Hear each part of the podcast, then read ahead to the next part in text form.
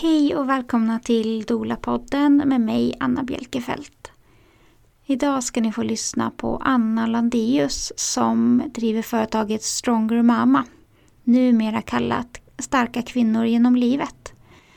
Man skulle kunna tro att vi ska prata om träning men vi ska prata om familjevänligt kejsarsnitt.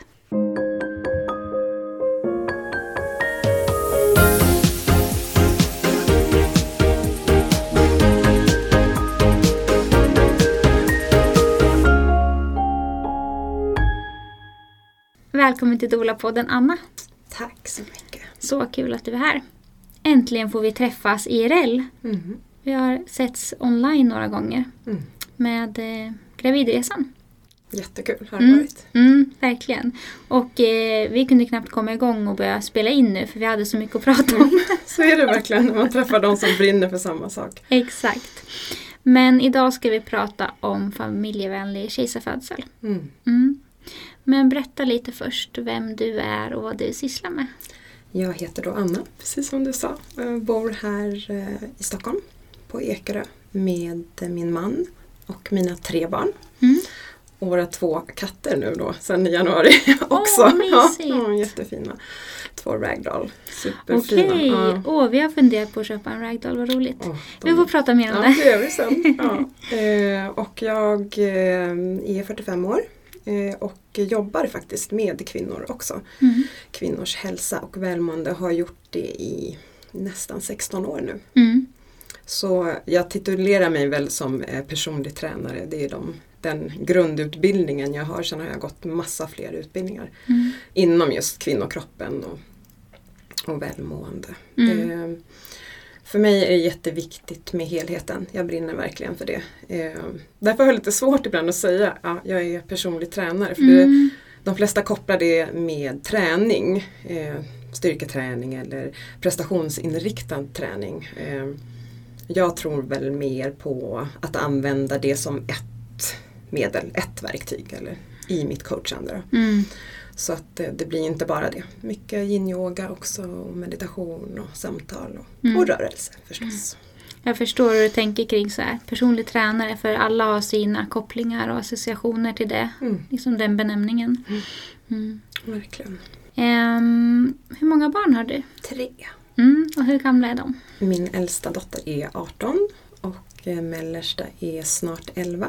Och så har vi en son som fyller sju snart. Mm. En som är myndig alltså nu. Mm, precis, det är en helt annan roll, mammaroll också som man Mm. går in i faktiskt. Mm, Men häftigt, så Ja. otroligt häftigt att få följa. Sen är det såklart det är också väldigt påfrestande att ha barn i så skilda åldrar faktiskt. Mm. Det kan vara en prövning eh, emellanåt. Mm. Men eh, ja, För att de har olika behov och så? Eller? ja, precis, Ja. helt olika. Mm. Men ja, det är ju livet, man får Mm. anpassa sig liksom. Ehm, berätta, vill du berätta lite om dina födslar? Absolut. Ehm, jag var 26 när jag väntade mitt första barn.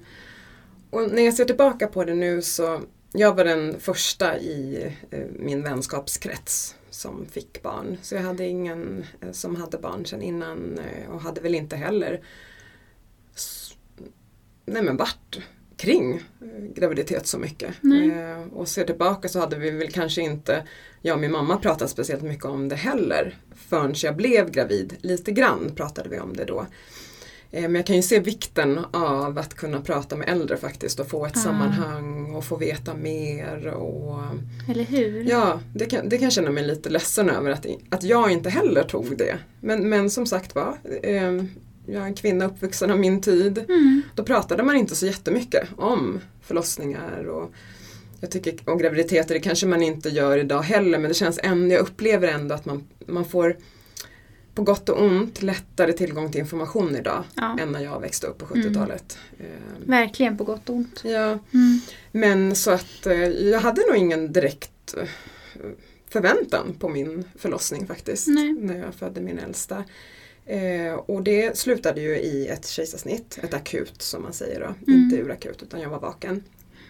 Eh, och det var för att hon hade bajsat i vattnet. Mm. Men, men där minns jag ändå att jag var Jag blev väldigt fint bemött av både eh, läkaren och barnmorskan och jag, jag, känner inte alls att det var ett överträdelse av min, min vilja på något sätt. Nej.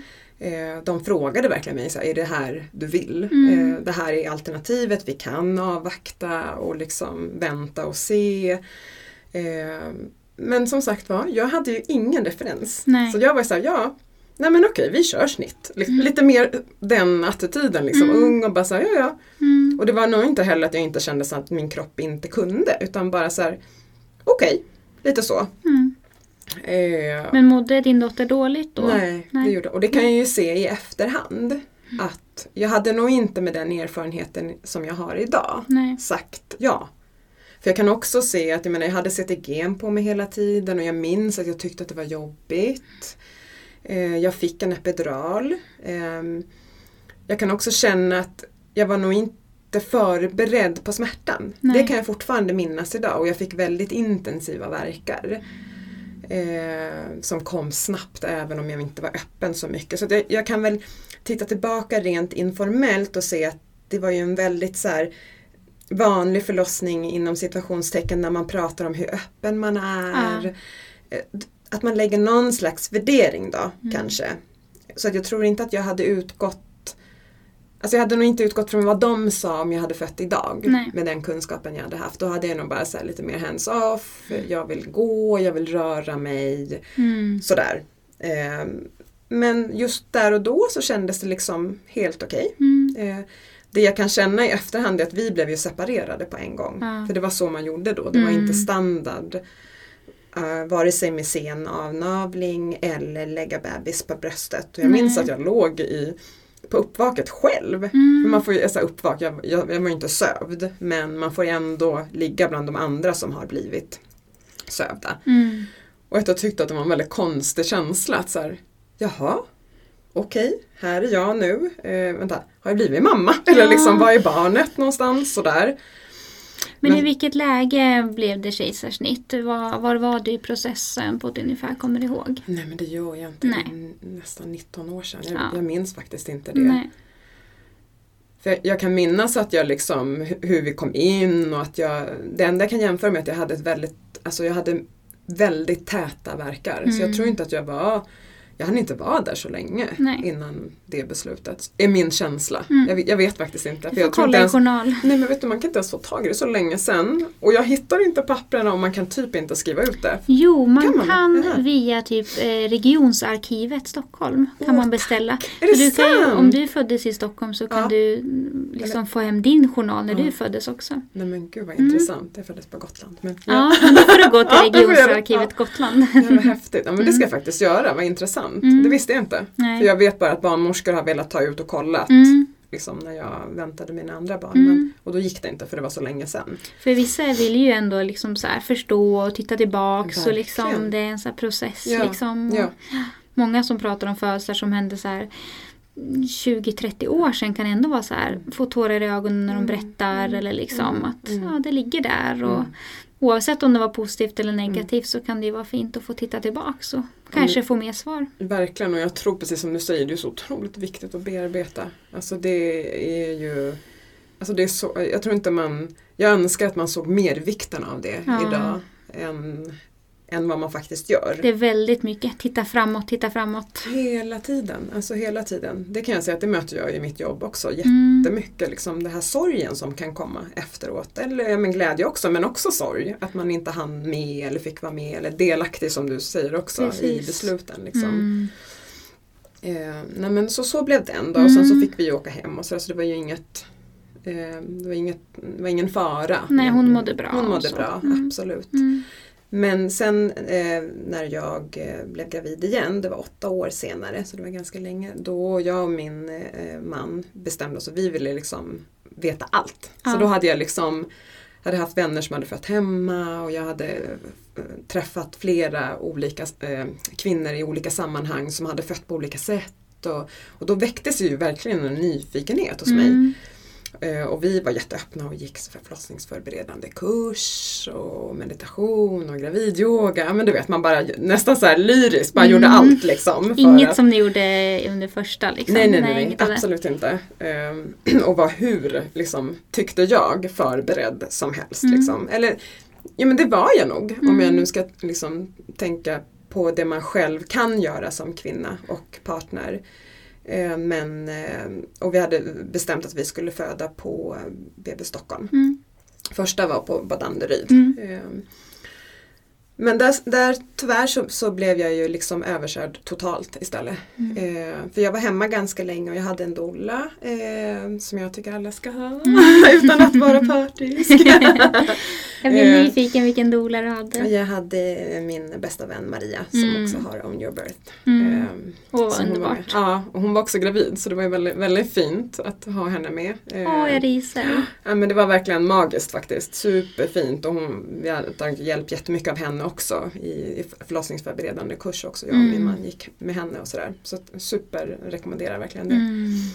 Men, eh, nej, men vi kommer in och det blir liksom fel från start. Mm. Eh, och, och jag minns det så väl, på tal om det här, vad jag tror är viktigt, det här med att ha samma.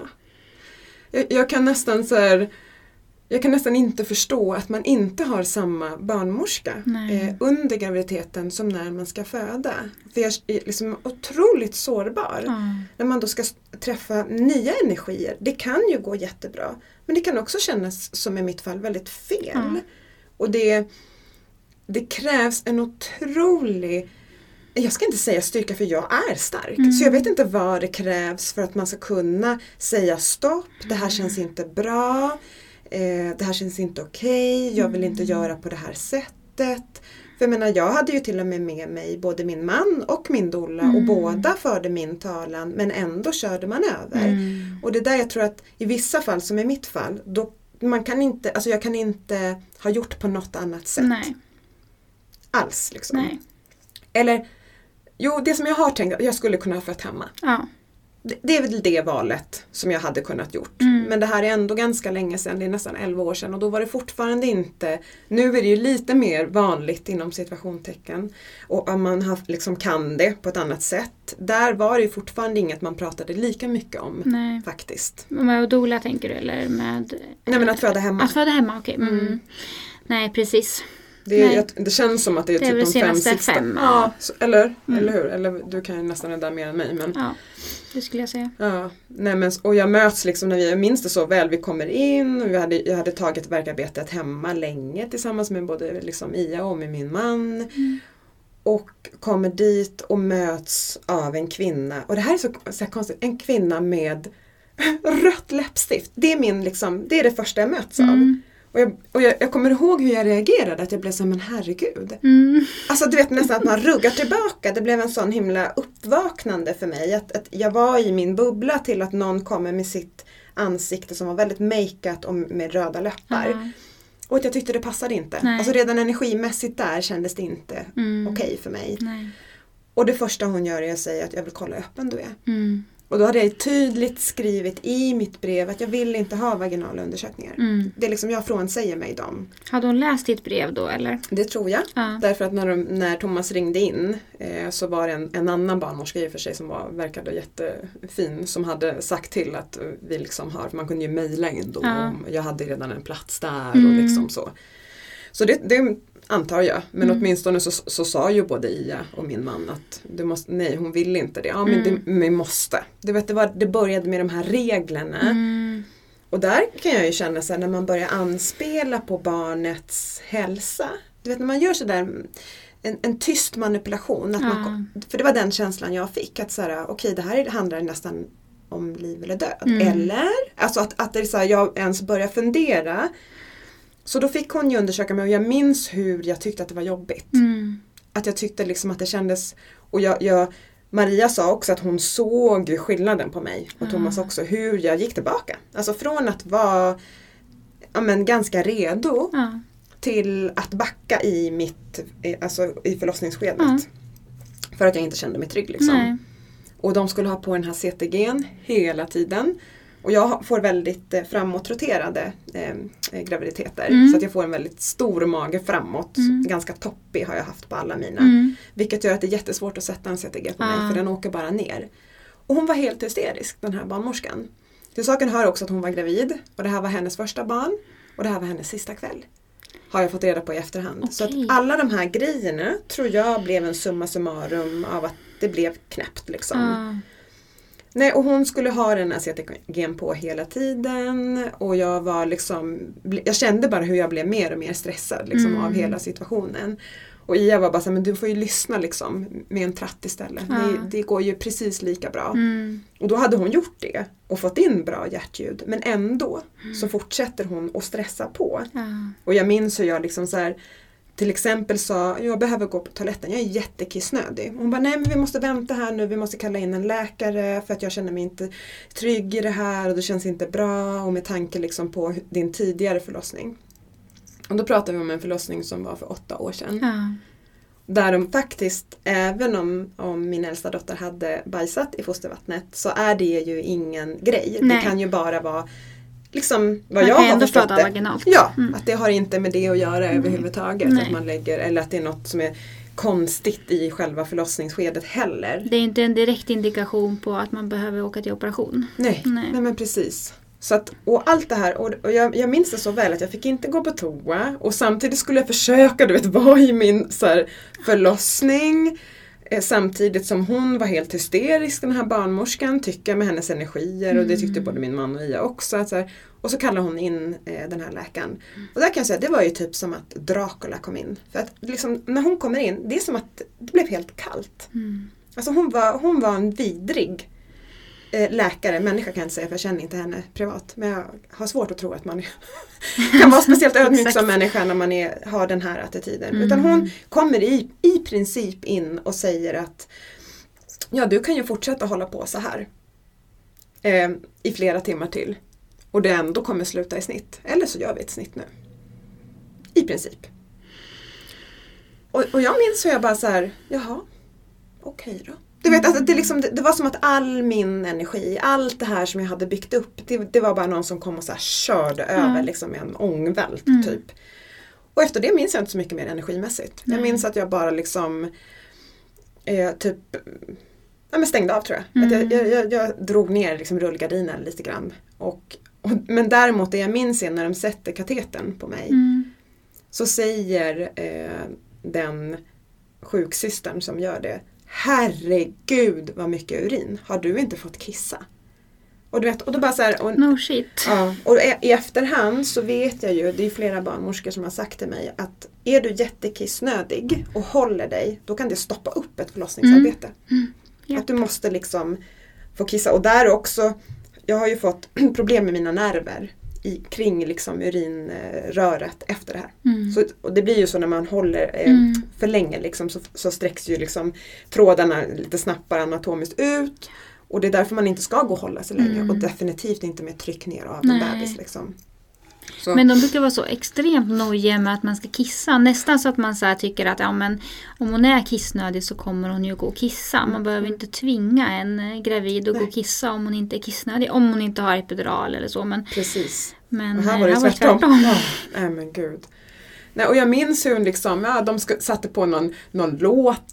Alltså försökte så här under snittet och göra det Nej, men jag vet inte humant. Eller liksom, Och jag minns att jag tyckte att det bara var, hela grejen var svår. Mm. Alltså att jag på något vis i efterhand kan jag se att jag nog fick en, en, en lättare variant av förlossningsdepression. Därför att jag, nu fick jag en otroligt, på tal om det, alltså dotter som hon visade precis vad hon ville ha. Mm. Det var liksom inget snack. Hon har från början, och det minns jag i och för sig den här läkaren sa, bara, gud här har vi verkligen en, en pigg liksom, tjej. Mm. För att hon, hon, hon ammade ju liksom hela tiden och ville ha min uppmärksamhet och pockade och var ja, men ganska arg emellanåt och glad men ändå liksom var väldigt beroende av mig. Mm. Och jag tror att det var ju min räddning tror jag. Att jag inte bara helt gick in i mig själv, att jag var tvungen att vara där och liksom vara närvarande med henne för att hon hela tiden pockade på min uppmärksamhet. Ja. Liksom. Men, och jag, jag kan ju bara säga att att jag ens har klarat efter det är ju att jag har haft så otroligt fina människor runt omkring mig. Att jag har kunnat prata och gråta och liksom vara arg. Framförallt att få vara arg. Ja. Att, och få lägga ilskan där den hör hemma. Ja. För där kan jag känna att jag tror inte att jag hade faktiskt innan det här hört talas direkt om någon där det inte hade gått bra. Eller Nej. vad ska man säga? Men här blev det ju verkligen en eye-opener för mig. Att bara, när jag började prata om det så var det som en helt ny värld öppnades. Mm. Och bara herregud vad många det är som, som är med om trauman. Ja. Där det är andra människors åsikter som ska bestämma över hur ens förlossning ska vara. Och då Mm. pratar vi inte att det handlar om där far, alltså illa för mamman eller bebis. Nej men exakt. Där det liksom handlar om hälsa eller, eller att man måste göra någonting för att rädda livet. Mm. Utan att det bara handlar om åsikter, en Ja. förlegad syn. Precis, och rutiner som inte är anpassade. Precis så. Alltså precis så. Mm. Och det här var ju också, ska jag då säga, dagen innan julafton. Så Mm. de var ju kort om personal också. Ja. Men kommer du ihåg om ni hade någon stund ehm, själva eller hann ni liksom prata någonting du och liksom din man och Dola innan ni, ni rullade till snitt? Nej, inte direkt. Och jag har frågat dem efteråt och sådär. Nej. Jag vet, jag vet att Thomas kände så här, ja, men eh, liksom nu Ska vi göra det här eller är det här det bästa? Liksom, och, och blev osäker. Och jag, jag minns nog bara, nej jag vet faktiskt inte vad jag svarade. Jag tror Nej. att jag, ja, de sa att jag mer hade bara sagt, jo men det är väl så här det ska bli då. Jag tror att jag redan hade stängt av faktiskt. Inte konstigt med dem.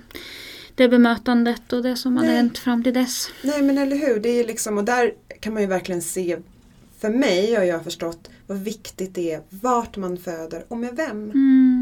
Alltså även om man då är jätteförberedd och har kärleksfulla människor med sig, så vilken kraft de har, de som är inne på förlossning. Ja. Vilken otrolig kraft de besitter. Och makt. Och makt. Och jag bara tänker så här, det är så farligt att använda den utan att ha riktiga belägg för Ja, det. jättefarligt. Sen har jag full förståelse för alla barnmorskor och jag li, alltså verkligen så här, eh, som de kämpar idag, att man ens ska orka un, jobba under de förutsättningarna. Ja, oh det, är det är ju omänskligt liksom, men det är en annan sak. Ja, Det här kände jag inte handlade om det. Nej. det var in, ingen stress Nej. på själva avdelningen. Det, Nej. det här utgick inte från ett stressmoment från deras sida. Känner jag faktiskt. Men jag förstår inte läkarens kommentar där. Att antingen kan du hålla på så här flera Ja. timmar eller- och sen blir det snitt eller snitt nu. Alltså Mm. vad var det grundat på liksom? Jag har ingen aning heller. Nej. Och att också där att jag hade ett oeffektivt verkarbete. Mm. Eh, vilket jag har förstått inte heller stämmer. För det var den bilden jag hade om mig själv väldigt länge. Mm. Tills jag fick höra att nej, men det är många kvinnor som har väldigt täta verkar även om de inte har öppnat sig inom situationstecken. Eh, så pass mycket som man inom vården anser att man ska göra om man har så tätt. Men att det kan också lugna ner sig. Oh, ja. Att det kan vara så i kanske, och jag vet ju inte eftersom att jag inte har genomgått en vaginal förlossning, Nej. men jag har verkligen så pratat sönder det här med mina vänner som är barnmorskor och mina vänner som har fött både vaginalt och en del med snitt också. Mm. Att det kan ju vara så tydligen i så en halvtimme och sen så slappnar man av och då händer det, liksom, då går det jättefort. oh ja. Men hur länge hade du varit inne när det blev beslut om snitt? Kan det ha varit då? Fyra timmar kanske? Tre? Undersökte de flera gånger Ja, under det- den tiden? det- liksom? mm. Det tror jag. Och höll på med CTG-grejerna Ja, där? hela tiden. Mm. Jättestressigt Mm. var det. Och det, Men, eh, det som jag också kan känna är att som en procedur som jag har förstått, och det, det här är ju skillnaden från mitt första snitt för den läkaren var ju magisk. Mm. Hon kom ju in efter och pratade med mig och förklarade hur det hela hade gått till. Och jag minns att till och med barnmorskan ringde mig hem sen Ah. efteråt för att fråga hur, hur mår du nu och läkaren hälsar. Och så det var ju den synen jag hade. Men den här läkaren hon kom inte ens in. Vi fick alltså inget återkopplingssamtal. Jag kommer ihåg att jag bara sitter och gråter på BB och hon kom inte ens in. Ingen. Men alltså. Ja, det var så sjukt. Så min mamma så här, okej ska vi kanske prata om eh, förlossningen liksom. Och då var det någon så här jourläkare som kom in. Mm. Och bara, ja jag har inte hunnit läsa igenom dina papper typ. Eh, men ja, jag ser här att det slutade i ett eh, kejsarsnitt eh, grundat i hur din tidigare förlossning var. Och så bara och minns jag hur hon var så tyst och bara, fast vänta, den var ju åtta år sedan. Att hon till och med själv så här, jaha, eh, okej då, liksom. Och inte en så oklar anledning heller. Nej, nej, nej. Nej men alltså så, så otroligt eh, kallt och liksom Mm. Och sen har jag tyvärr hört att hon hon var ju sån den här. Hon har Ja. en jättehög eh, rate på Mm. kejsarsnitt den här läkaren när hon Mm. jobbar. Mm. Och blev sen enhetschef och nu är hon inte kvar tror jag. Nu Nej. fick hon gå vidare men, men eh, premierades ju. Ja. Och ansågs som en väldigt eh, kompetent operatör och läkare. Jag vill ha så många kejsarsnitt som möjligt Ja. så att jag kan bli så duktig som möjligt just på att operera ut Ja. barn. Typ. Men ja. eh, kommer du ihåg om du liksom, vad hade du för tankar inför andra födseln så här, om kejsarsnitt? Var det någonting som du absolut inte ville eller var det så här, det får bli som det blir eller liksom? Ja men kanske lite det får bli som det blir. Mm. Eh, jag var ju inte så här anti kejsarsnitt eftersom att jag inte hade tyckt det var så farligt första gången. Mm. Men jag var nog väldigt förväntansfull inför en vaginal. Så, Mm. så jag tror nog att jag önskade ju det mer. Jo Ja. men det gjorde jag också med tanke på hur vi liksom hade förberett oss. Mm, jag tänker det låter Ja. som det. Ja, Mm. faktiskt. Så mer det än att det får bli som det blir. Mm. Mer, ja. Men jag förstår det, liksom, har man en mm, liksom, positiv upplevelse eller vad man ska använda för ord Ja. så kanske man inte är livrädd för att det ska hända igen eller tycker att det är en jättestor grej. Liksom. Nej, och jag kan ju säga att jag är ju någonstans tacksam i det hela att det här var mitt andra snitt. Ja. För hade den här upplevelsen varit min första, nej men då vet jag inte Anna vad jag hade, då hade det nog tagit ännu mer på mig. Jag tänkte säga det, Ja. vill man skaffa fler barn och Nej, man men det- så... nej. Inte heller när man har förberett sig så mycket.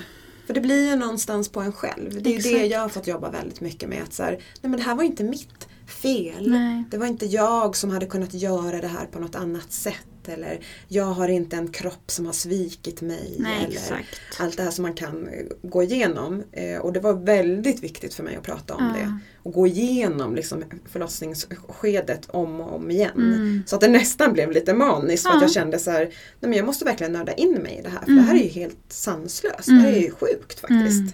Det, det är inte humant att man ska behöva gå igenom det här. Nej. Men jag minns också efter att jag fick kommentaren en del gånger liksom att ja, men du ska väl vara glad att det gick så bra ändå. Och där kan jag vara så här, åh, undanbed er att fälla de kommentarerna. Därför att alltså, det är ju väldigt få barn i Sverige idag som dör vid en förlossning. Eh, eller får liksom jätte men. Alltså man bara Nej, säger, men vad ska jag vara tacksam? Vad är det, vad är det jag ska vara tacksam Mm. över? Liksom att jag lever? Ja, Mm. Det är väl snarare så tack vare mig själv då. Att jag Exakt. liksom, jag hade, ju, hade jag inte haft någonstans den styrkan att prata så mycket och bearbeta det, men då vet jag inte hur rolig mamma hade jag varit Nej, då. precis. Det är inte säkert att jag hade kunnat vara närvarande överhuvudtaget. Nej. Tror jag inte faktiskt. Hur länge upplevde du att du liksom mådde dåligt efter förlossningen? Eller? Ja men det var nog i varje fall ja, första halvåret. Mm. Om jag ska se tillbaka som det känns som ett litet blurr. Mm. Liksom. Mm. Tills jag började prata om det igen liksom, och, och öppna upp ordentligt. Och, och inte bara vara tacksam att det hade Nej, gått bra. precis. Eh, och, ja, men jag tror för mig var det väldigt viktigt att alltså, så här, börja göra saker för mig själv. Det var mycket så eh, jag kom ur i den på något vis. Jag kommer ihåg att jag började jobba ganska tidigt Mm. och började hålla lite klasser. Så få bli en egen person igen. Mm. För den här kan jag se symbiosen som man har med sitt barn. Jag fixade inte riktigt än. Nej. Men nu var ju hon så otroligt där ändå så det gick inte för mig att göra på något annat sätt. Men den tiden jag hade själv valde jag hellre då att gå ut och göra någonting. Att, att bli en egen person mer och mer. Mm.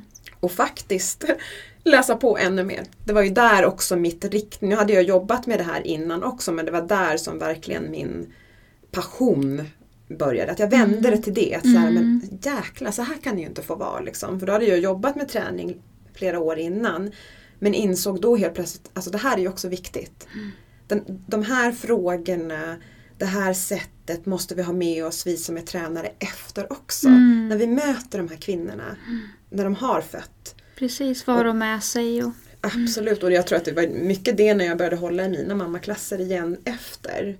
Så plockade jag ju upp jättemånga som hade eh, depression efter. Ja. Inte jättesvåra depressioner men tillräckligt jobbiga för att de tyckte om att bli sedda och kunna prata Mm. om det och gjorde skillnad. Mm. Så därför tror jag att, alltså det gav jag fick vända det till någonting som stärkte mig också faktiskt på det sättet. Mm.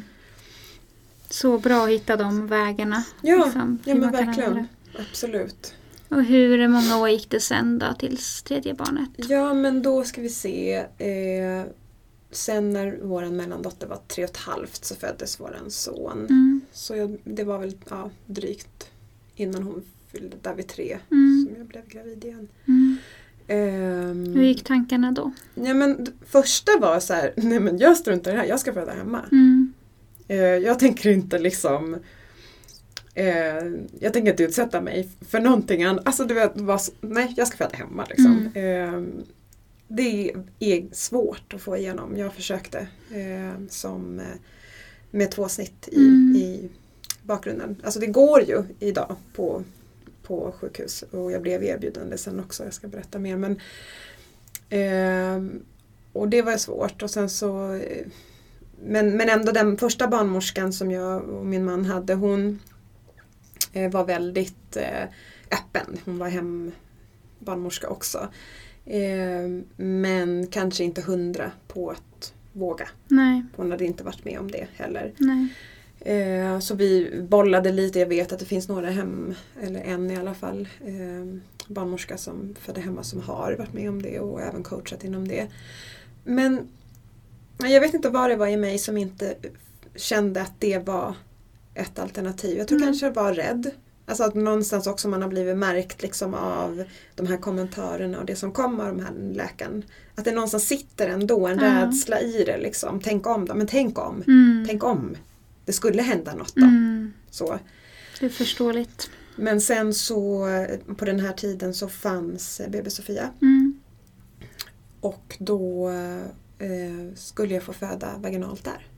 Även fast jag hade haft två och hade blivit lovad det. Mm. Men sen hände ju det här med den här mamman som uppmärksammades väldigt mycket. Så då vågade inte de. Nej. De vågade inte på grund av hur de hade blivit utmålade och sådär. Och jag blev ju såklart jättebesviken för det. Men jag kan förstå det också. Men summa summarum så det som hände med det var att de blev otroligt öppna för att göra allt vad jag ville. Mm. Att det skulle liksom gå så bra som möjligt. Erbjöd de dig då ett snitt? De erbjöd ett Mm. snitt istället. Eh, och då tog jag tillbaka det för då hade jag bytt barnmorska eh, till min barnmorska och vi bollade det. Och då säger hon då, lilla ängeln, att ja men familjevänlig kejsarsnitt Anna, det tror jag är någonting för dig. Så det är tack vare min andra barnmorska Helena som eh, jag fick reda på om det här. Mm. På mödravården? Ja, Mm. och då började jag läsa på mer om det eh, och kände bara att men gud, det här är ju magiskt. Så här vill jag ha det. Mm. Eh, just för hur man jo- jobbar kring det och tillgodoser mammans behov att också liksom få vara närvarande och barnet och så. Och nu Mm. måste jag ju då säga att jag har ju inga av mina barn tidigare har ju mått dåligt. Nej. Så jag har ju varit lyckligt lottad på det sättet för det är ju inte alla som föds med kejsarsnitt som är alltså, så pigga och alerta Nej. som mina två döttrar var och tar tutten på en gång. Jag har ju aldrig haft problem med amningen till exempel. Och förstår ju under mina verksamma år också inom det här att det är jättemånga som har svårt med det. Ja. Eh, vilket jag också tror jättemycket är att man faktiskt klipper av, man är ett stort huvud. Ja. Eh, faktiskt. Jag tror, jag tror mycket på att alltså, allt måste få vara tillsammans och jobba ihop. Liksom, Mm. Och bli bemött och få tid och lugn och ro. Och liksom Mm. så. Nej men så att det här kändes ju fantastiskt när, Mm. när jag läste på mer om det. Och, och I England är det ju stort till Mm. exempel och i Australien också och i Kanada. Mm. eh, och Delar av Brasilien. Ja, Mm. Brasilien också jätte. Eh, nej men så då skrev jag upp allting som jag ville ha och så Mm. tog jag tillbaka det till BB Sofia och de sa ja till allting. Men wow! Det var liksom inga, inga, inga problem. Ingenting. Va? Min haka i golvet. Vad fantastiskt. Ja men det var det faktiskt. Mm. Det, var, det var jättefint. Och jag, och jag minns det också därför att på, eh, för då blev det ju ett planerat snitt. Eh, på själva dagen, så när vi kommer dit på morgonen så är våran läkare sjuk. Mhm. Och hon hade jag ju träffat flera gånger och berättat det här. Och då kommer jag ihåg att jag blev lite orolig. Mm. Att jag kände mig lite, men så kom barnmorskan in och så säger hon, "Men det behöver du inte vara därför att det här står med red alert i din journal och bara blinkar att så här måste vi göra för Anna. Så att den här nya då som kom in och vikarierade här, kom även in till mig och sa hej, jag heter, jag minns inte vad hon heter, och jag är operatören idag. Hon bara, ja, hur det låter, jag vet sån. Men jag har läst på hur det ska gå till. Jag har aldrig gjort det här, men vi gör det tillsammans. Och så gick hon ut. Och jag bara kände så här, ja men alltså. Men gud, jag är helt stum. Typ. Ja, men, alltså, ja men alltså det var så, det var så häftigt. Det var så, det kändes så fint. Och det var så många saker under den förlossningen som blev så himla bra. Därför mm. att de hade till exempel en student med sig, det får man ju fråga om man vill. Mm. Som skulle, eh, narkosläkare tror jag, eller mm. om han var Jo, jag tror att det var narkosläkare han skulle eh, vara. Och då hade jag ju gått igenom vad, hur det skulle vara inför honom också för att jag kände att det var viktigt att han också visste. Mm. Eh, och han hade läst på. Och så minns jag när de ska sätta epiduralen på mig och bland annat en av grejerna var att man skulle vara tyst. Mm. Att det var mm. bara min och min mans röst som skulle höras eh, för bebisens skull. Mm. Och jag kommer ihåg att när jag liksom kutar och, och så, så säger den här eh, läkaren som är narkosläkare där och ska sätta epiduralen så börjar han så förklara. Ja men så gör man så här och, och då säger den här studenten Men alltså shh, nu måste vi respektera Annas eh, vilja här och det är att vi skulle vara tysta.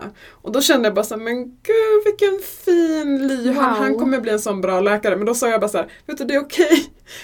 Okay. Nu när du lär dig så är det helt okej att han förklarar vad han gör. Mm. Det stör mig inte alls men det var väldigt fint av dig att du uppmärksammade det här. Liksom. Så jag bara, nu när du ska prova, du får gärna, han får gärna förklara hur du ska göra. Liksom. Så det kändes faktiskt väldigt fint. Men nej, sen var det ju en magisk eh, förlossning. Mm. Det var ju precis, det var som en, cirkeln blev sluten väldigt, mm. ja, väldigt fint faktiskt.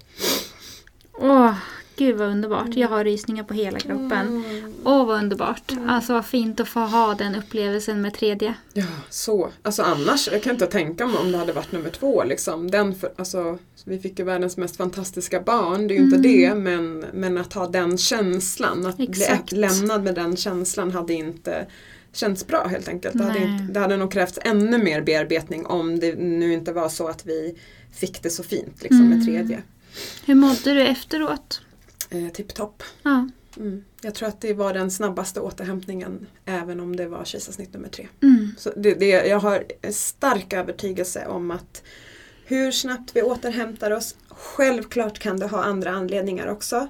Men jag tror en stor anledning, eller liksom hur, orsak till om vi återhämtar oss snabbare eller inte, har att göra med hur vår upplevelse av vår förlossning är. Absolut. Jag tror att det är så viktigt. Absolut. Och, och, det handlar framförallt inte om att skuldbelägga kvinnan. Jag vill lyfta det snarare tvärtom. Att man ger sig tid om man nu upplever ett trauma, mm. ger sig tid att bearbeta det och tillåta sig själv det man inte lägger det på sig själv. Liksom. Nej, det tror jag är väldigt viktigt. Mm.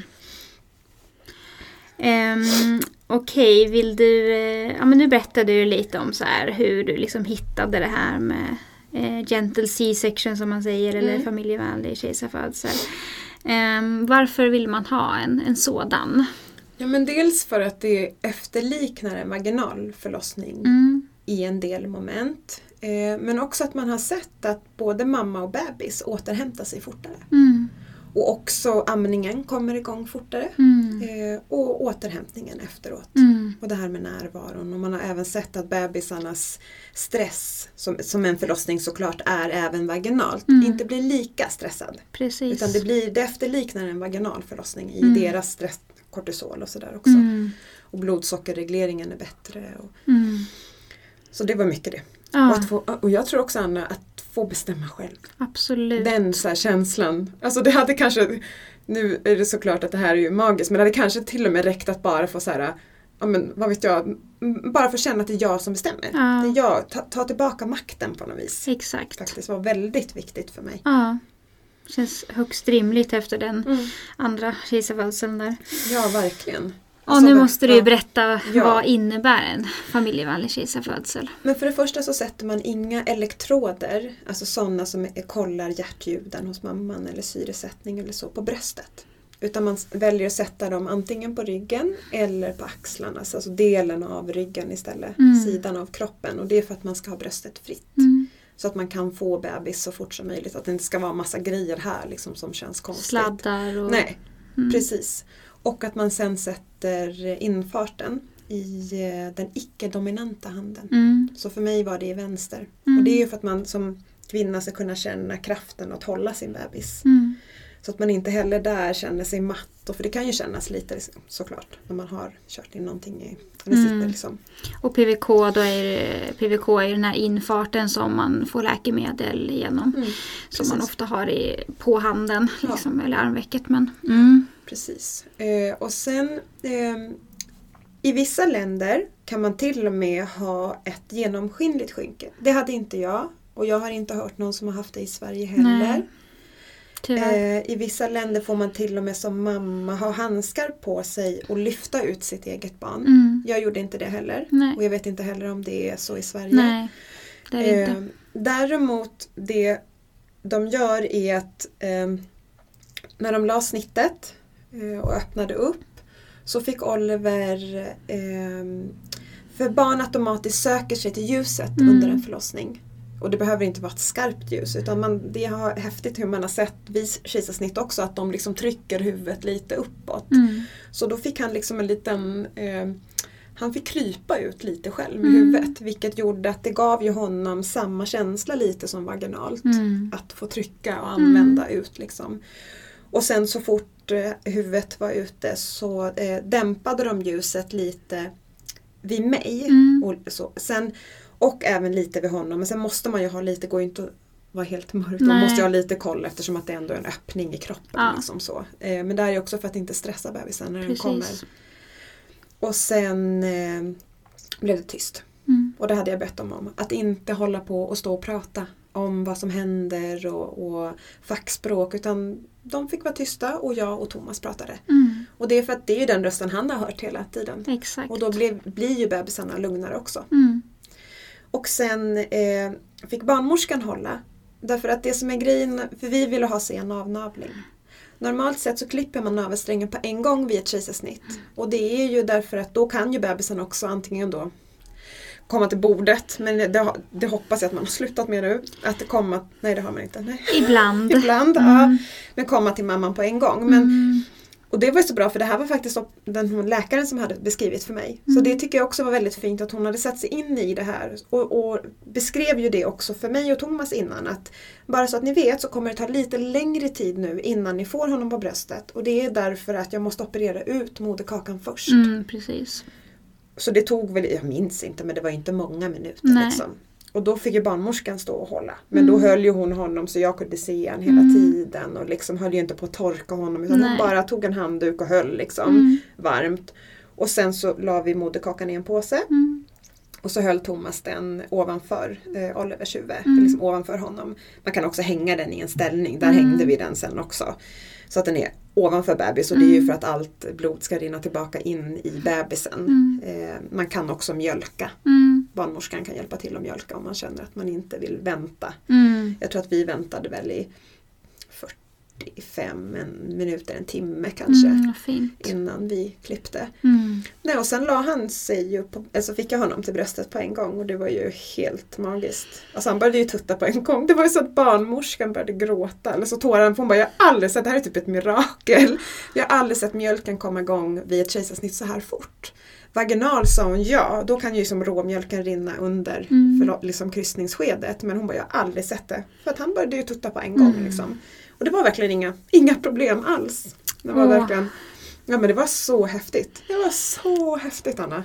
Det kändes som en sån revansch för mig Ah. faktiskt. Helt magiskt. Ja, jag fattar det. Och sen så efter det så fick vi ju eh, ligga på en, det var också väldigt fint på BB Sofia.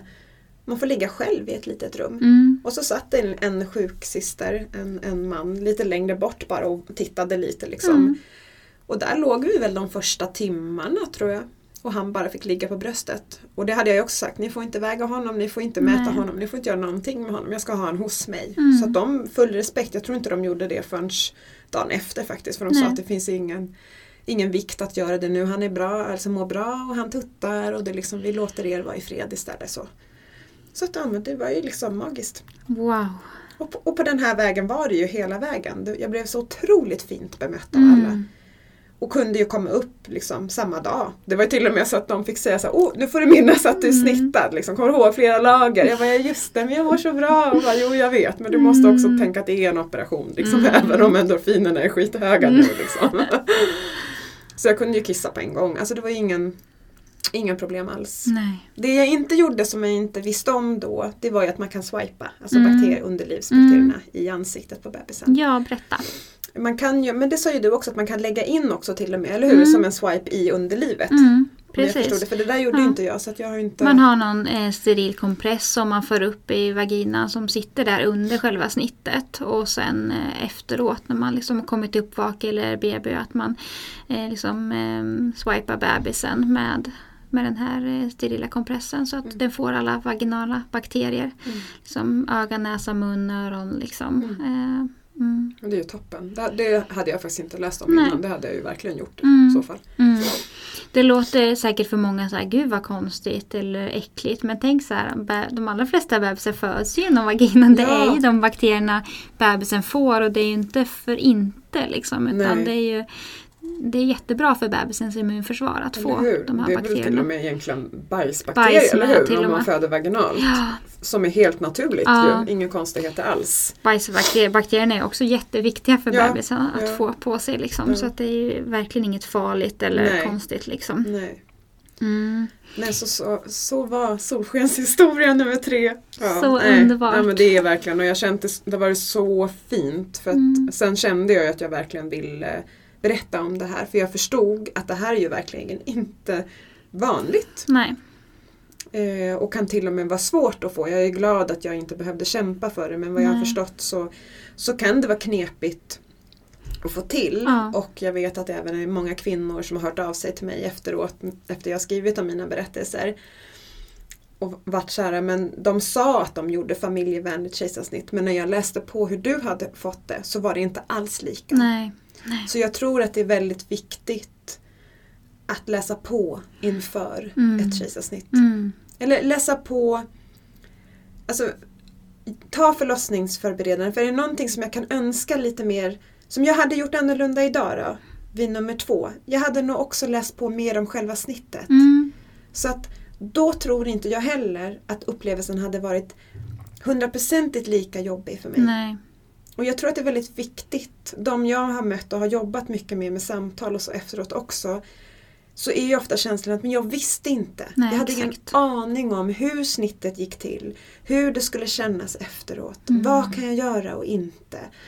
Och jag tror att ju mer man läser på och vet, så oavsett vad, hur det slutar, Mm. hur förlossningen blir, så är jag med och bestämmer själv. Och jag vet. Jag har liksom tillgång till vetskapen och kunskapen. Exakt. Då tror jag att det blir lättare. Då Mm. blir det mer känslan att det här är mitt, jag, Ja. mitt val, jag gör det här. Det är en jätteviktig nyckel, tänker jag. Ja, Verkligen. även om, om de flesta föder vaginalt och det går Mm. bra så tänker jag att det är ändå fint för både den födande och partnern, tänker Mm. jag också. Och jag menar som du och jag har pratat mycket om också, att, att dollan som är med också, om man har med en, vet hur det är ett familjevänligt kejsarsnitt. Hur går det till? Mm. Och barnmorskan och läkaren. Mm. För det är tyvärr inte så att de vet det alltid. Nej. Och jag kan säga att alla alla har rätt till det här. Mm. För det är inga, inga konstigheter. Det är inga flummigheter. Det är liksom inga märkliga saker som Nej. de gör. Och det krävs ingen speciell utbildning av läkarna. Och det är inte farligt för bebis eller mamma. Absolut inte. Utan snarare tvärtom. Ja. Eh, enda gången man inte kan göra det, det är ett urakut. När man söver mamman. Mm. Och det är akut, alltså Mm. på liv och död. Då går det inte, för då hinner man inte. Nej. Men annars så för, vid, alltså alla, båda, alla tre har tagit lika lång tid. Mm. Så även om det hade blivit ett akut så har man tid att göra det här. Ja, precis. För akut då är det ju med att det ska ske någon gång inom liksom en timme brukar det ju ofta vara. Så att ofta har man ju tid att både Precis. föra upp den här kompressen om man vill göra det och, och önska att inte bli separerade och Mm. så. Jag tänker att vid ett urakut så kanske man inte kan göra allting eh, men typ noll separation borde ändå vara möjligt. Och någonting definitivt sen avnavling. Ja. De två sakerna som man vet eh, har väldigt, väldigt många fördelar för bebisen och även mamman. Mm. Anknytningen och Mm. allting. Mm. Absolut. Så jag tänker, Det behöver finnas lite mer öppenhet där. Mm. Att liksom inte bara så här har jag lärt mig att ett kejsarsnitt går till och så är man liksom så fyrkantig. Nej, men det kan ju vara nästan lite skrämmande kan jag tycka. För att, jag menar, okej, jag förstår, man, man läser till läkare och man kanske väljer då, då en inriktning. Men om man då ändå väljer alltså, att bli gynekolog eller jobba med kvinnor, Mm. alltså med födslar, bli en operatör Mm. därigenom, så borde man ju ändå vara intresserad av kvinnans välmående, Ja, tänker jag. Eh, Exakt. och om det nu inte var så då, Mm. ja men då kanske man inte ens ska träffa kvinnan. Nej. Alltså man ska gå in och operera men då ska man ändå ha de här olika tillvägagångssätten. Mm. Och sen så får barnmorskan eller någon annan vara den som träffar kvinnan känner jag. Jag Ja, Absolut. förstår inte hur svårt det ska vara Nej. egentligen att vara human Nej. faktiskt. Nej, jag tänker att man kan ju också liksom vid en kejsarfödsel avsäga sig typ prover på navelsträngen. alltså om man inte vill ge K-vitamin så får de inte göra det om man inte vill det. Mm. Sen har man ju sett att det är en liten ökad risk för blödning hos bebisen vid Mm. kejsarsnitt jämfört med vaginal. Så att det kanske finns en poäng att, att ta det. Mm, Men mm. man, man ska ju ändå veta att man har rätt att tacka nej. Mm, mm, Eh, livmodersammandragande har man också rätt att tacka nej till. Men mm. noll separation upplever jag att fler och fler jobbar mot. Liksom att man Mm. inte ska separera. Men Mm. ganska vanligt ehm, är ändå att man liksom tar upp bebisen till mamma. Mamma får pussa lite på bebis Mm. och sen går de iväg till barnbordet. Och, Det där är så knäppt för vad är det man vill titta på Mm. som man inte kan titta på på bröstet? exakt. Och jag var verkligen så här, är det så intressant att veta hur mycket de väger? Liksom, Ja. Eller kolla, nej men det kan vi, alltså för då sa ju liksom barnmorskan också, och så här, men vi kan titta på alla prover när han ligger på ditt bröst. Ja, vi har inga problem med det. Nej. Vi är utbildade i det. Ja, vi behöver inte att han ligger på ett bord. Liksom. Nej. Nej, det är ju lite samma som jag tänker kring de här proverna på navelsträngen som man tar vid vaginal förlossning också. Ja.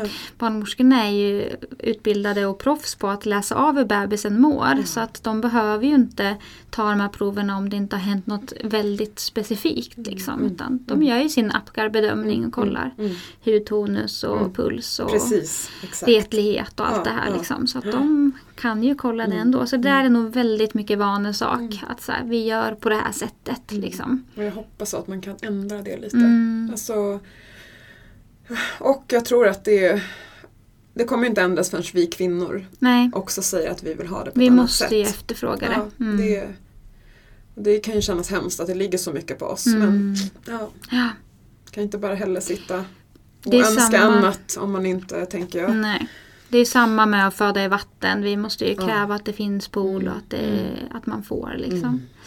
Mm. Men om vi sammanfattar lite då. Så du sa de här elektroderna. Mm. Eh, infart. Mm. Berätta mer. Och sen avnavling Mm. och eh, ja, hud mot hud hela Mm. tiden. Att man Mm. inte ska bli separerad. Liksom. Mm. Och tyst Mm. när bebis kommer ut. Mm. Och sen det här vaginala Ja. bakterier om man Mm. vill göra det. Mm. Ja. Ja, gud det finns så många fördelar. Ja, ja, ja, absolut. Och att få vara med och vara närvarande. Mm. Det är ju så viktigt. Mm. Så otroligt viktigt. Mm. Man kan ju också önska musik. Vissa kan ju tycka att det stör eller Mm. liksom att man vill Mm. hellre ha det Mm. tyst. Men Mm. man har ju egentligen möjlighet att välja Absolut, musik ja. också. Mm. Något snitt jag var på då hade de ju liksom någon Riks FM och jag stod där och bara herregud det här är så Konstigt. inte okej liksom. Nej. Det kändes så Gud, ovärdigt märkligt. på något sätt. Gud vad märkligt. Det var så extremt så här eh, icke liksom, jag vet inte. Det fanns inget heligt, vackert, fantastiskt, nej, unikt med nej. att det här var en födsel. Nej. Utan det var liksom, För det är viktigt som du säger där Mm. också. Jag tror att man att, att även om det är ett kejsarsnitt att det är ju också en födsel. Det är därför Ja. jag tycker så mycket om kejsarfödsel. För Ja, det är exakt. en födsel. ja. Och det, jag tror Absolut. att det är väldigt viktigt att prata om det så. Mm, Och det är där jag tror att det är väldigt många kvinnor man tappar Mm. med det här som går runt efteråt och mår sämre och har, liksom, känner sig låga. Och för att man på något vis inte räknas med. nej precis. Och så är det som att man så kanske pratar om som att jag har blivit snittad och så Ja. liksom likställer man det med Ja. att så här, det här var någonting som gjordes mot mig eller någonting som Mm. bara hände. Ja. Liksom, bara Precis. tänka om vilka, För vissa kanske känner så här, nej men för mig var det att jag blev snittad. För jag var inte med på vad Nej. som hände. Nej, men så kan jag känna med nummer Ja. två faktiskt. Mm. Verkligen. Men, Medan man kan, liksom andra kanske bara använder det ordet utan att tänka på att Ja. det, vad, vad som ligger i det. Mm, liksom. mm, att jag tycker mm. med födsel, bör ju vara med i ordet. Ja, för det är det ju. Mm. Av ett barn. Ja, eller exakt. två, eller tre, Ja, exakt. är man Ja. Så kejsarfödsel, magfödsel, Mm. vad man nu vill använda för Mm. ord. Det finns ju väldigt många olika. Mm. Verkligen. Men vad, vad vet du då Anna om vad man har för liksom mö- möjligheter, rättigheter att säga, önska de här grejerna? För för dig var det ju väldigt lätt liksom Ja, att... det var det ju verkligen. Mm. Och det är jag otroligt tacksam över. Mm, Men jag har mött både och. Alltså det beror, verkar vara som att det beror väldigt på vart och framförallt som i allt vem man träffar. ja, Vilken Exakt. läkare, eh, vilket eh, sjukhus, vad de har för tankar kring det. mm, Eh, Men jag säger bara stå på er. ja, Kräv! För man har rätten till det. Ja. Det är inget konstigt. nej, Och det är ingenting utöver det andra. Liksom. Man har rätt till det. mm, Jag kan nästan önska att det skulle vara någonting som man gjorde ja, automatiskt Exakt. på alla kejsarsnitt. mm. Var varför urakuta. gör man inte det? Nej men det är man inte, det känns inte som att man respekterar kvinnan. Alltså det är ju bara så här, jag vet inte. All, fortfarande känns det som att BB på något vis har blivit att ja, man ska plocka ut ett barn. Ja, Vare sig om det sker genom vaginan eller om det sker genom Exakt. magen. Det, det spelar inte så stor roll. nej, det är för lösa. Ja, man tappar ju hela synen på att här liksom föds en mamma, här Ja. föds ett barn och det är en Exakt. anknytning och det händer någonting med energierna liksom. Mm. Som, som man kan Alltså ska, kan ha, ge, jättemycket längre fram, Ja. alltså utan att lägga någon värdering. Mm. Men det, det tror jag är jätteviktigt och speciellt efter kejsarsnitt. Mm. Att våga prata om det. Alltså Mm. våga prata om man inte egentligen ville det. Mm. Faktiskt. Och att det Absolut. också är helt okej. Mm. Och sörja och känna sig ledsen och ja, Mm. låta det vara så, tänker jag. Det, Och när det inte är pandemi eh, och jag tror att eh, de flesta regler går tillbaks nu liksom till det vanliga men det är ju också möjligt att ha två stödpersoner vid en kejsarfödsel mm, eh, i de allra flesta fall. Man kan ju även där få kriga ganska mycket för det för det kan vara så här det får inte vara fler än så här många på rummet? Och eh, då var det någon som sa, som jag hörde så här men eh, det handlar om ventilationen. Jag bara, men på riktigt. Det är så här, I det här rummet får det bara vara typ 13 personer på grund av ventilationen. Typ. Man bara, men alltså nej. Det, vi köper värsta inte det. Ja, helt galet. Eh, men det är också så här. Eh, för om det är så att de behöver ta iväg barnet för att bebisen är medtagen på något sätt. Då är det ju framförallt jättebra att ha navelsträngen intakt. Mm. Eh, men också att då kan ju till exempel dolan vara kvar med mamman mm, om mm. partnern går iväg. Ja, så viktigt. Så Ja. det har jag ju hört flera som har fått med, med kejsarsnitt som inför andra barnet bara gud det var det värsta att Ja. jag blev lämnad där. Både partner Ja, och ja, bebis liksom Ja. försvann iväg. Mm. Det tror jag är jätteviktigt Ja. faktiskt. Jätteviktigt. Att ha någon som sitter där och man Ja. kan jobba med samma verktyg som vid en vaginal födsel. Andning, Ja, avslappning, gud, ja. Tankens kraft. Ja, för det känner jag ju lika viktigt att förbereda sig inför Mm. ett kejsarsnitt som det är faktiskt inför en, en vaginal förlossning. För som Precis. sagt var, det är ju inte bara kroppen som Nej. ska föda ett barn, det är ju hela kvinnan. Mm. Så det är inte Mm. bara att läsa på? Nej, nej, nej, nej. Att kunna andas, alltså Ja. att kunna slappna av, Mm. att kunna eh, för livmodern är ju ett organ, alltså Mm. att vi också är med om det. Och jag tror läkningen absolut gynnas av det tänket också. Absolut. Och att man är ett med sin mage. Jag vet att det är Mm. jättemånga kvinnor som känner sig separerade från sin mage efteråt. Mm. Vågar inte ta på ärret eller på sin mage och Mm. ha konstiga känslor kring det. Och det är så Mm. otroligt viktigt. Mm. Att bli- Men eh, du som jobbar med träning också Mm. Anna, om jag får ta en fråga kring Mm. det som jag tänker nog kommer upp bland lyssnarna. Hur ska man tänka kring att träna efter en kejsarfödsel? Alltså det är ju en, en bukoperation och det tycker jag också att man ska ha med i åtanke. Eh, och vara lite mer rädd om sig själv efteråt. Eh, såklart har man fött vaginalt och det har blivit en, en förlossningsskada ska man ju också vara det. Men, men just om vi ska utgå från kejsarsnittet så är- har man ju skurit i flera lager. Mm.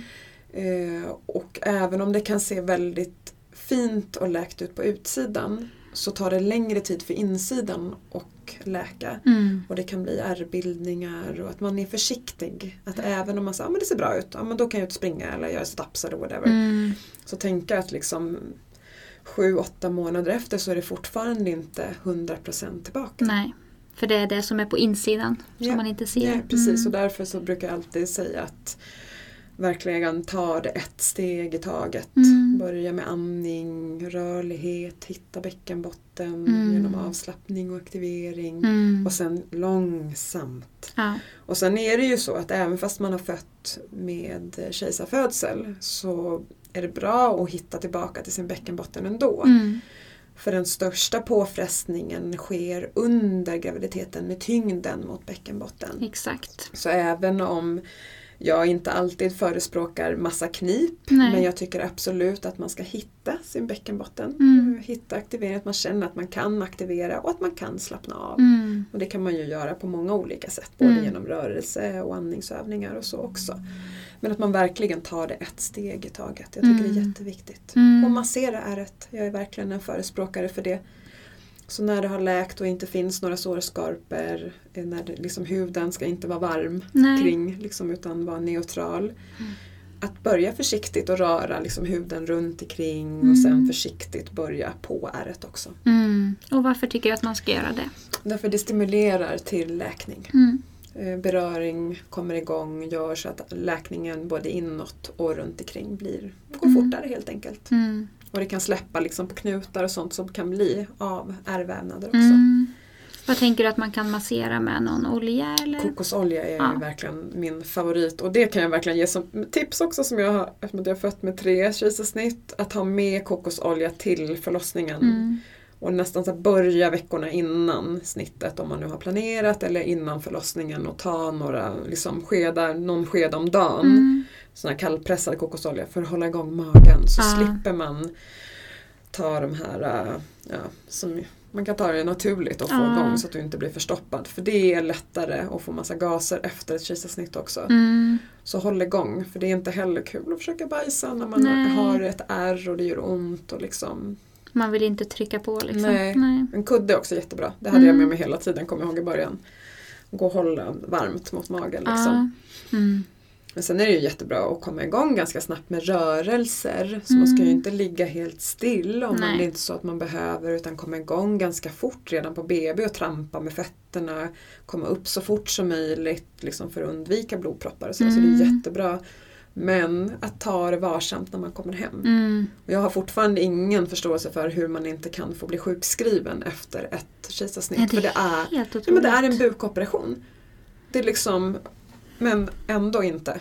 Alla andra operationer blir man ju sjukskriven Ja, så det är ja. jättekonstigt att man inte blir det. Ja, jätte, så att partnern kan vara hemma och ja, liksom. ja, ta hjälp. Nej, så märkligt. För just det här att bära och liksom vara uppe mycket och det ska man gärna Mm. undvika i början. Ja, faktiskt. Mm. Sen tips som jag gjorde, jag liggammade åt sidan. Det tyckte jag kändes eh, skönast faktiskt. Mm. Att sitta var ju inte alltid jättehärligt för bebisen sparkar till och så kan den sparka Ah. till på ärret och det kan kännas lite obehagligt. Mm. Så jag låg på sidan och ammade väldigt mycket. Mm.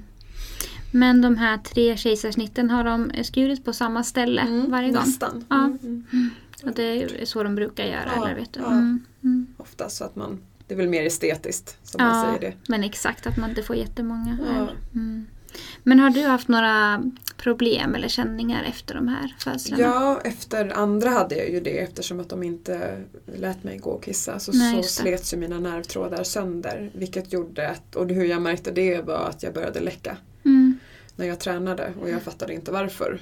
Eh, och då sen har jag genomgått eh, en sån här bäcken, riktig bäckenbottenundersökning med läkare och team som har kollat Mm. runt och man har testat mig på alla möjliga sätt. Mm. Och då såg man det. Och där är det också väldigt viktigt att verkligen, ja det är en annan fråga, men att man får rätt hjälp. För det jag blev erbjuden först var att göra en sån här TVT-operation. Ja. Men i efterhand nu med den kunskapen som jag fick och det läkarna sa när, de gjorde, när jag fick ingå i det här teamet Mm. var att hade man gjort en sån då hade jag inte kunnat kissa. Nej. Då hade jag fått trängningsproblem istället. Vill du berätta vad TVT-operation är? Det är att man eh, placerar in en eh, ring eh, för att man in, om man har urinläckage. Eh, för att hjälpa till att stötta upp Mm. själva urinröret. Mm. Men i mitt fall var det inte det som var Nej. knasigt. Men det krävde ju ganska mycket undersökningar för dem att, de skulle komma på vad problemet var. Mm. så hade, de, hade jag också bara lyssnat och nöjt mig med det. Och det är jag ju så glad att jag inte gjorde. Sen kommer jag ju tyvärr aldrig kunna för det finns inget som kan lösa mina problem. Men Nej. jag har lärt mig att träna kring det. Jag har Mm. lärt mig jättemycket med avslappning Mm. och även jobba med min träning som jag gör med alla mina kvinnor eh, med menscykeln. Mm. Att jag liksom tränar efter den. Mm. Och då är jag i princip läckagefri. Mm. Sen är jag ju i förklimakteriet så då är det andra Mm. hormoner som Mm. dalar och toppar. Men, men det går ju. Men det kräver ju otroligt mycket kroppskontroll. Ja. Så är det ju. Och ytterligare ett eh, område där man kan behöva kriga lite för att få hjälp. Ganska mycket tyvärr. Mm. Jättemycket. Men Mm. eh, så känner man sig alltså, osäker så, så tycker jag att det är väldigt viktigt att man hittar en tränare som kan. Mm. Och jag brukar verkligen säga det att går man hos någon som säger sig kunna eh, mammaträning Mm. så ska en adekvat fråga vara Läcker du? Ja, såklart.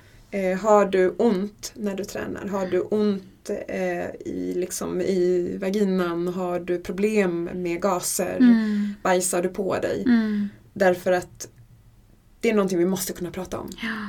Och där får man ju som en liten, får man vara lite kroppsdetektiv. Mm. Mm. Är det någonting annat som du tycker att vi inte har pratat om eller någonting mer som du vill säga? Nej, jag känner väl bara att det viktigaste är att för det jag vill ge med det här, ett att alla tycker jag har rätt till ett familjevänligt kejsarsnitt Mm. och det gynnar mamma och bebis jättemycket. Mm. Eh, har man varit med om en traumatisk förlossning oavsett vaginalt eller med kejsarsnitt, prata om det, ta hjälp, gråt, var arg, bearbeta. Mm. Det kommer tillbaka på ett eller annat sätt annars. Och tillåt att det är okej. liksom. Det är okej att tycka att det är det mest fantastiska som finns men det är också okej att tycka att det var det värsta som har hänt. Ja. Liksom. Att allt får finnas. Precis, och en blandning av båda. Och Ja.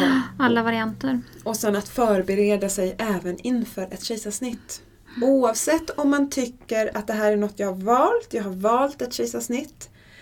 Förbered dig ändå. Mm. Därför att du kan ändå få det, även om inte du ville föda vaginalt, så kan ändå ditt kejsarsnitt bli det finaste du har gjort ändå. Precis. Det ena behöver inte ta bort det andra. Nej. Det behöver inte vara så att ja, men jag vill inte föda vaginalt. Nej, okej, du vill föda med snitt. Jättefint. Mm. Men du kan också få det till en fantastisk upplevelse. Mm. Så man behöver inte ta bort det ena eller andra. Nej. Nej, det pratar vi mycket i våra församtal, eller mycket, men att det är en del vi också pratar om. Vad händer om det blir kejsarsnitt? Hur skulle det kännas för dig? Precis. Hur vill du ha det då? Mm. Så att man också har, eh, jag rekommenderar alltid att man har några rader i sitt förlossningsbrev.